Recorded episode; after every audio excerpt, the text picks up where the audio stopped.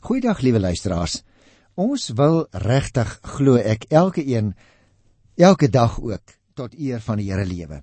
En ek dink ons kry baie interessante riglyne hier in Paulus se brief aan die gemeente in Rome, die boek Romeine, die 14de hoofstuk en ek wil graag vandag vir jou met jou gesels oor die eerste 12 versies.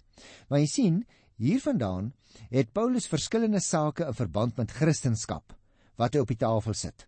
En nou behandel hy uh, baie spesifiek die gedeelte oor die sterkes, geestelike sterkes en swakkeres onder die gelowiges en hoe hulle onderlinge verhoudinge behoort te wees. En natuurlik sal jy weet, liewe luisteraar, miskien is jy iemand wat sterk is in die geloof. Miskien is jy iemand wat nog nie so baie gegroei het nie. Miskien is jy nog 'n jong Christen in die sin van die tyd wat jy 'n Christen geword het. En daarom is hierdie uh onderlinge verhouding tussen sterk en swak Christene van baie groot belang. En in hierdie gedeelte pleit die apostel nou dat die Christus gelowiges moet leer om sy of haar broer in die geloof hoër te ag as jouself. Jy sien dit gaan hier daaroor dat ons almal diensknegte moet wees ook teenoor mekaar. Nou is dit natuurlik nie te sê dat as die een of ander praktyk sê nou maar dans vir my sonde is, ek van die veronderstelling moet uitgaan dat dit vir almal sonde moet wees nie.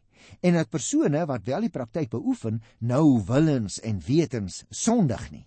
Dit gaan daaroor dat ons mekaar juis moet honoreer en vir mekaar ook ruimte moet veroordeel sonder om die ander een te veroordeel.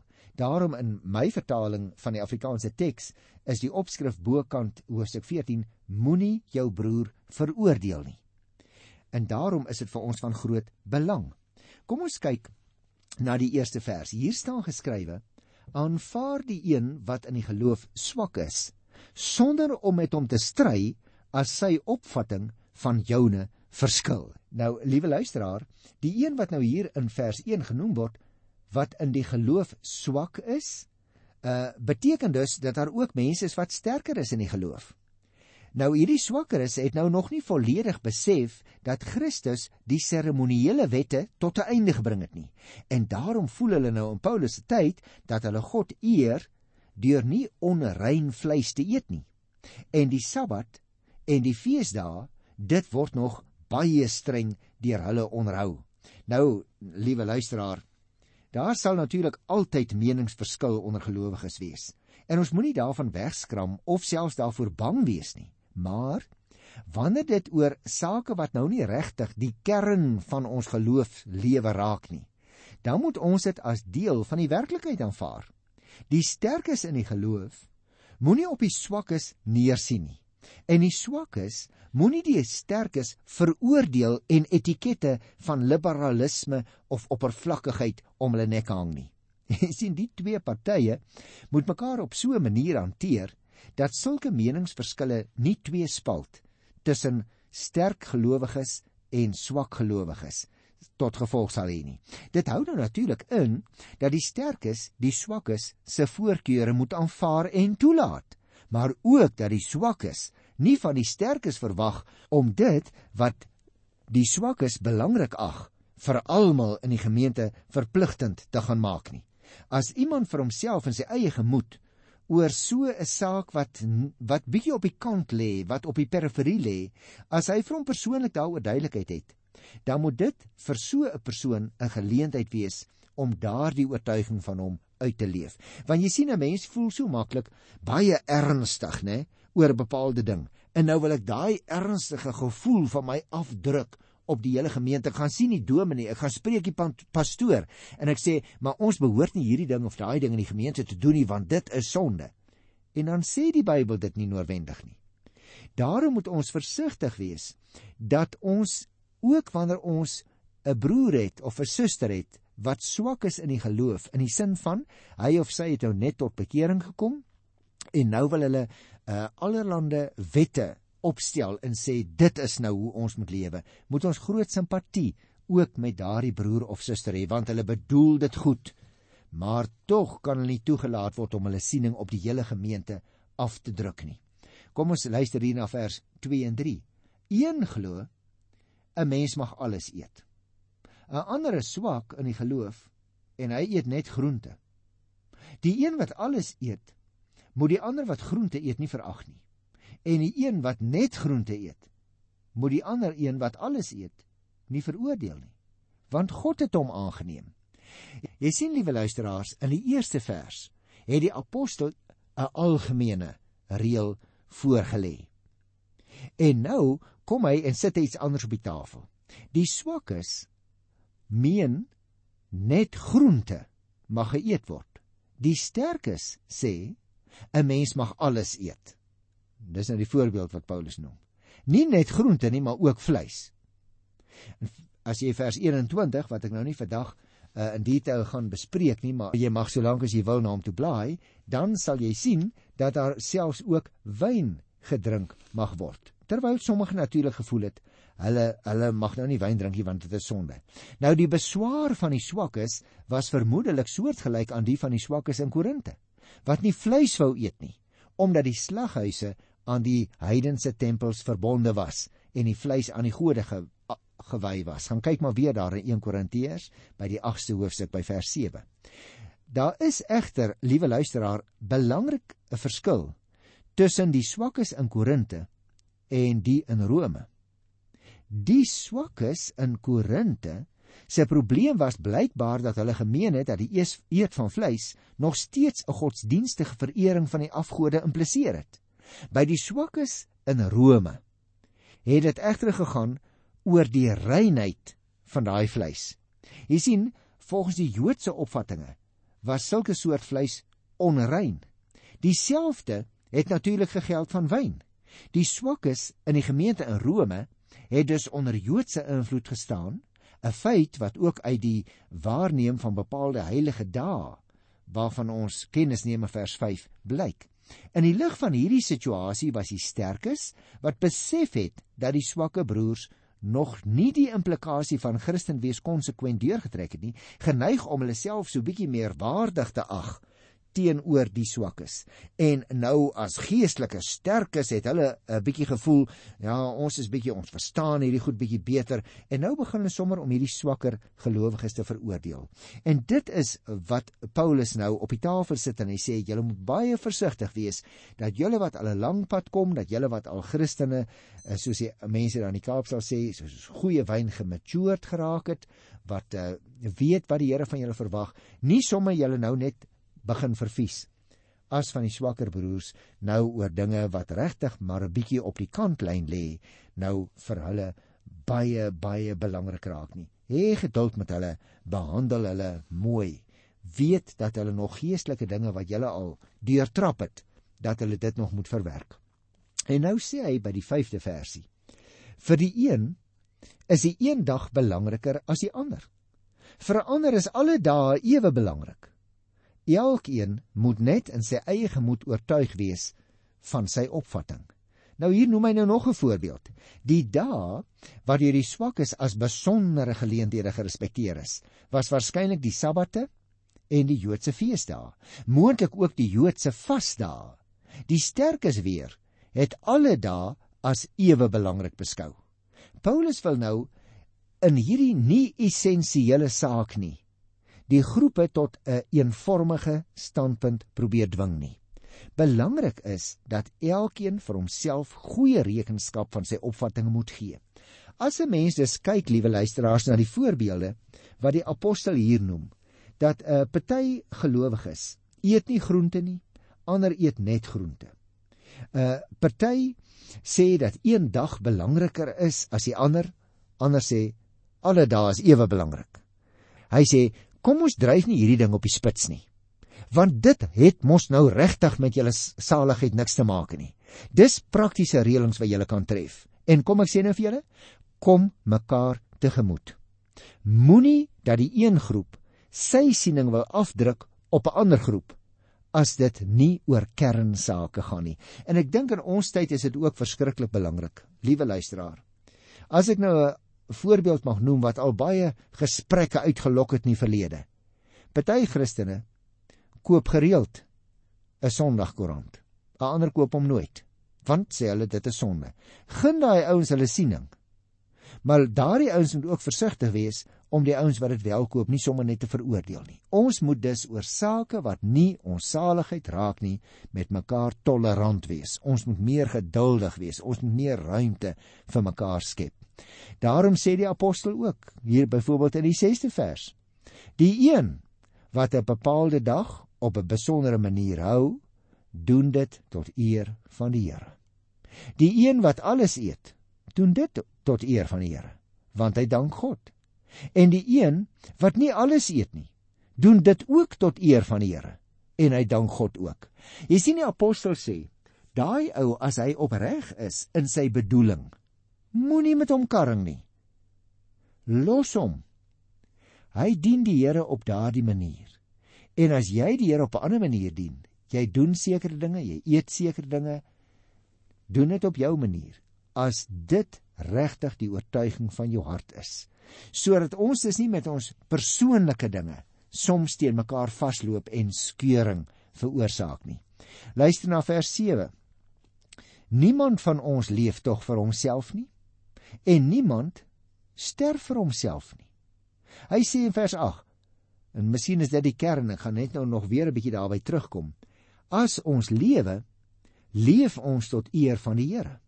En as ons sterwe, sterf ons tot eer van die Here. Jy sien, die aangrypende woorde wat die apostel hier skryf, het ten doel dat Christene sal weet in lewe en in sterwe. Met ander woorde, hulle hele bestaan en hulle doodgaan moet tot eer van die Here wees. En dan by vers 9 uh staan daar hiervoor het Christus ook gesterf en weer lewend geword om Here te wees van die dooies en die lewendes. Hy sê Christus het immers juis gesterf en opgestaan om oor dooies en lewendes die Here te wees. En dan sluit hy af met die laaste gedeelte. Jy, waarom veroordeel jy dan jou broer? En jy, waarom verag jy jou broer? Ons sal tog almal voor die regterstoel van God verskyn waar daar staan geskrywe: So seker as ek lewe, sê die Here, voor my sal elke knie buig en elke tong sal bely dat ek God is. Elkeen van ons sal dus oor homself aan God rekenskap gee. Hy sê moenie julle nou so te mekaar bly en aan mekaar beklei nie. Wees oortuig van dit wat jy doen. Moenie jou gebruike afdruk op 'n ander een sinne nie, want onthou, aan die einde van die dag gaan elkeen aan God verantwoording doen persoonlik. En daarom wil ek nou nog 'n bietjie voordat ons afsluit oor vers 8 gesels, want hier staan 'n belangrike beginsel in Romeine 14:8. As ons lewe, leef ons tot eer van die Here. En as ons sterwe, sterf ons tot eer van die Here.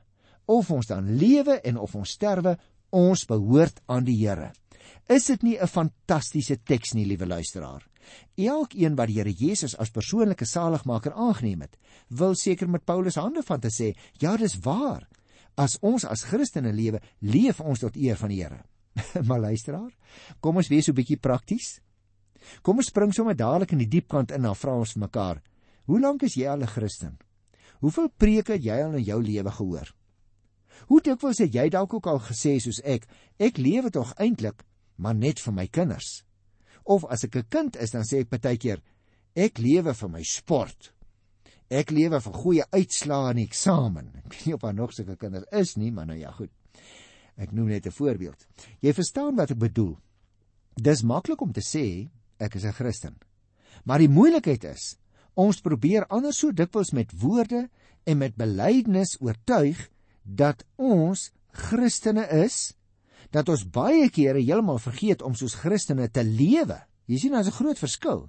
En dis waaroor dit ook gaan in hierdie 8ste vers. Die wêreld het genoeg aan woorde luisteraars, die radio, die televisie, die dagblaaie. Die wêreldlinge het nie nog behoefte aan meer woorde van Christene ook nie. Daarom praat Paulus Romeine 14 vers 8 glad nie van woordchristene nie. Hy praat van daadchristene, soos Jakobus ook agter in die Bybel.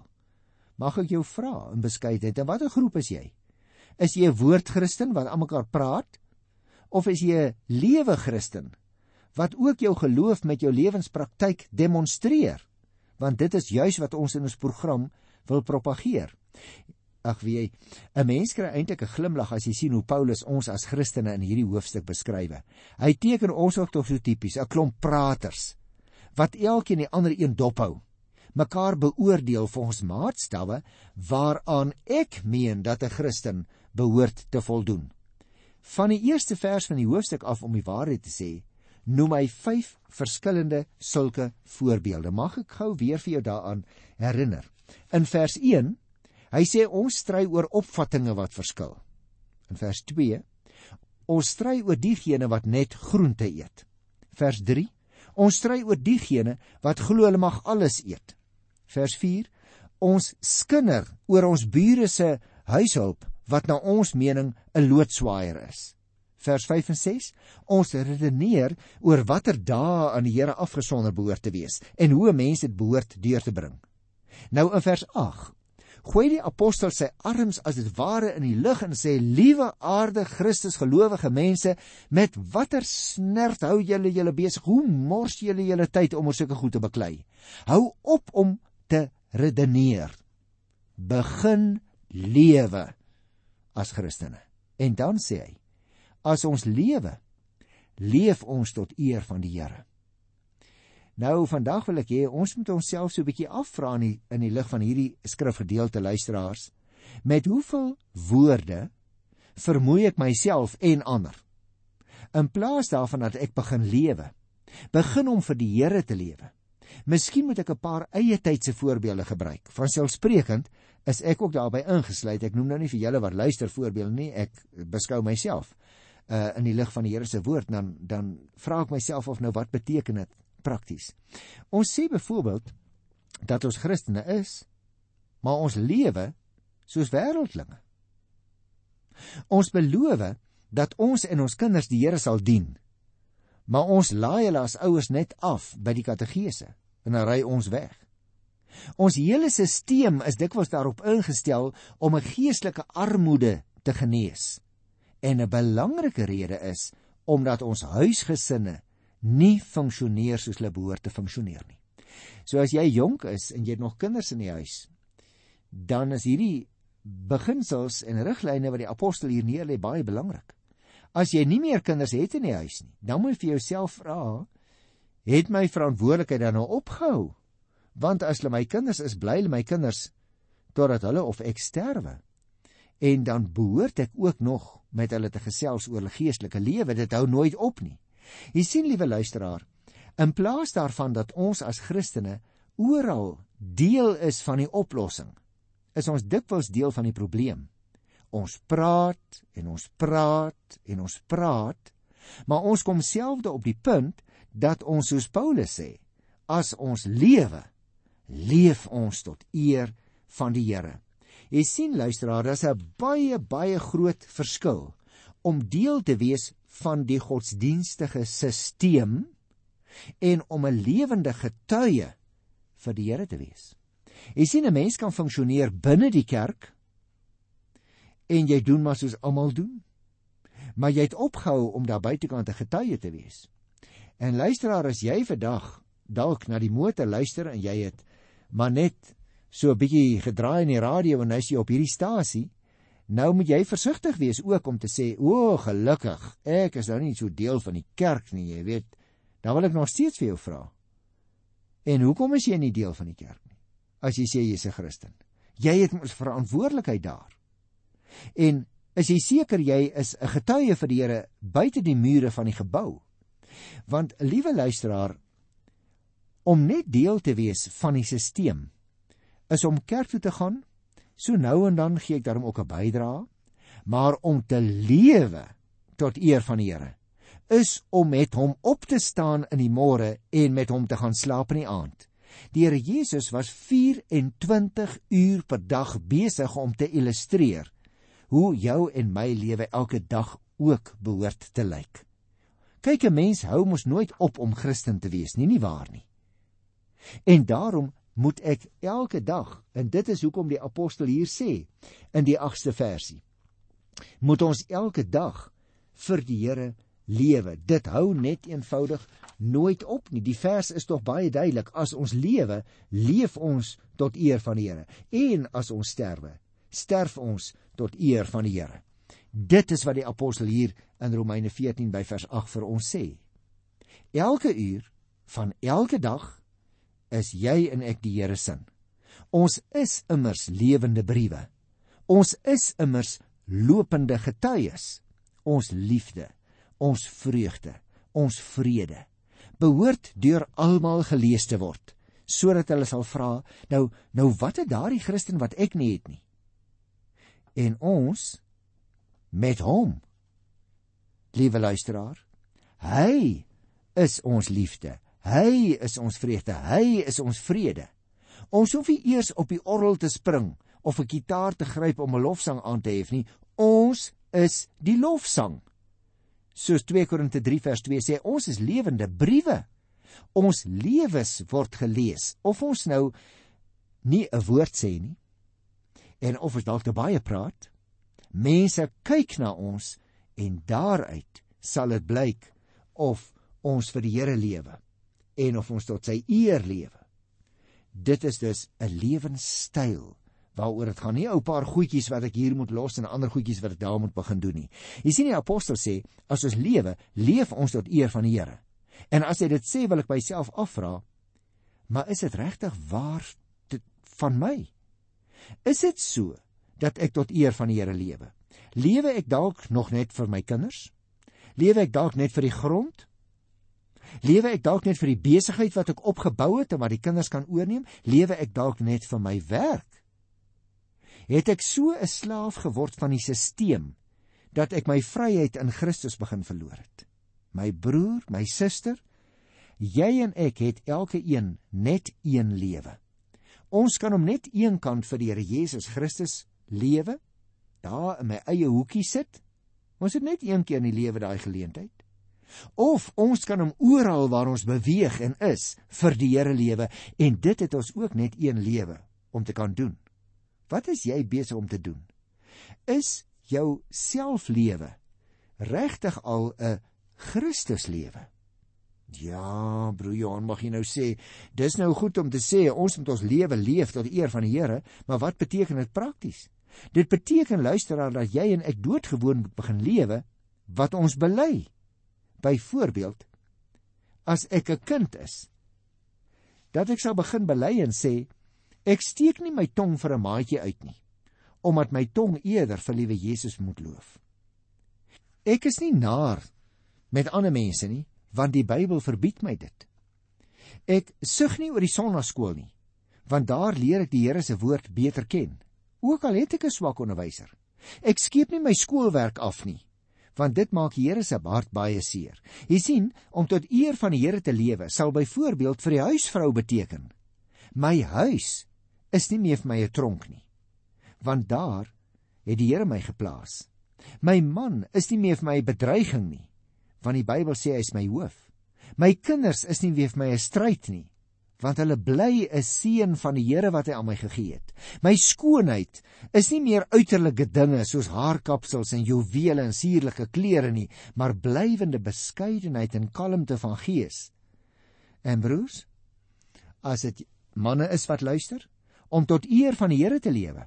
Sou byvoorbeeld vir jou vir my kan beteken ek gaan my vrou en my kinders voor in huisgodsdiens, want ek is die priester in die huis. Ek stel soms van my besigheidsetes af omdat die Here my gestel het as die hoof van my gesin in die eerste plek. Ek praat met minderes op so 'n manier dat my meerderes ook sal weet ek is 'n Christen. Ek demonstreer my liefde vir die Here op so 'n manier dat my mense almal sal weet hier is 'n volgeling van die Here Jesus Christus. En daarom wil ek tog vir jou vra. Kan jy en ek met 'n eerlike hart dit vandag vir Paulus na sê in Romeine 14 vers 8? As ons lewe, leef ons tot eer van die Here. En as ons sterwe, sterf ons tot eer van die Here. Of ons lewe en of ons sterwe, ons behoort aan die Here wonderlike wonderlike belydenis waarop jy en ek ook wil sê amen nou gaan ons dit lewe ek groet jou tot volgende keer in die wonderlike naam van die Here. Totsiens.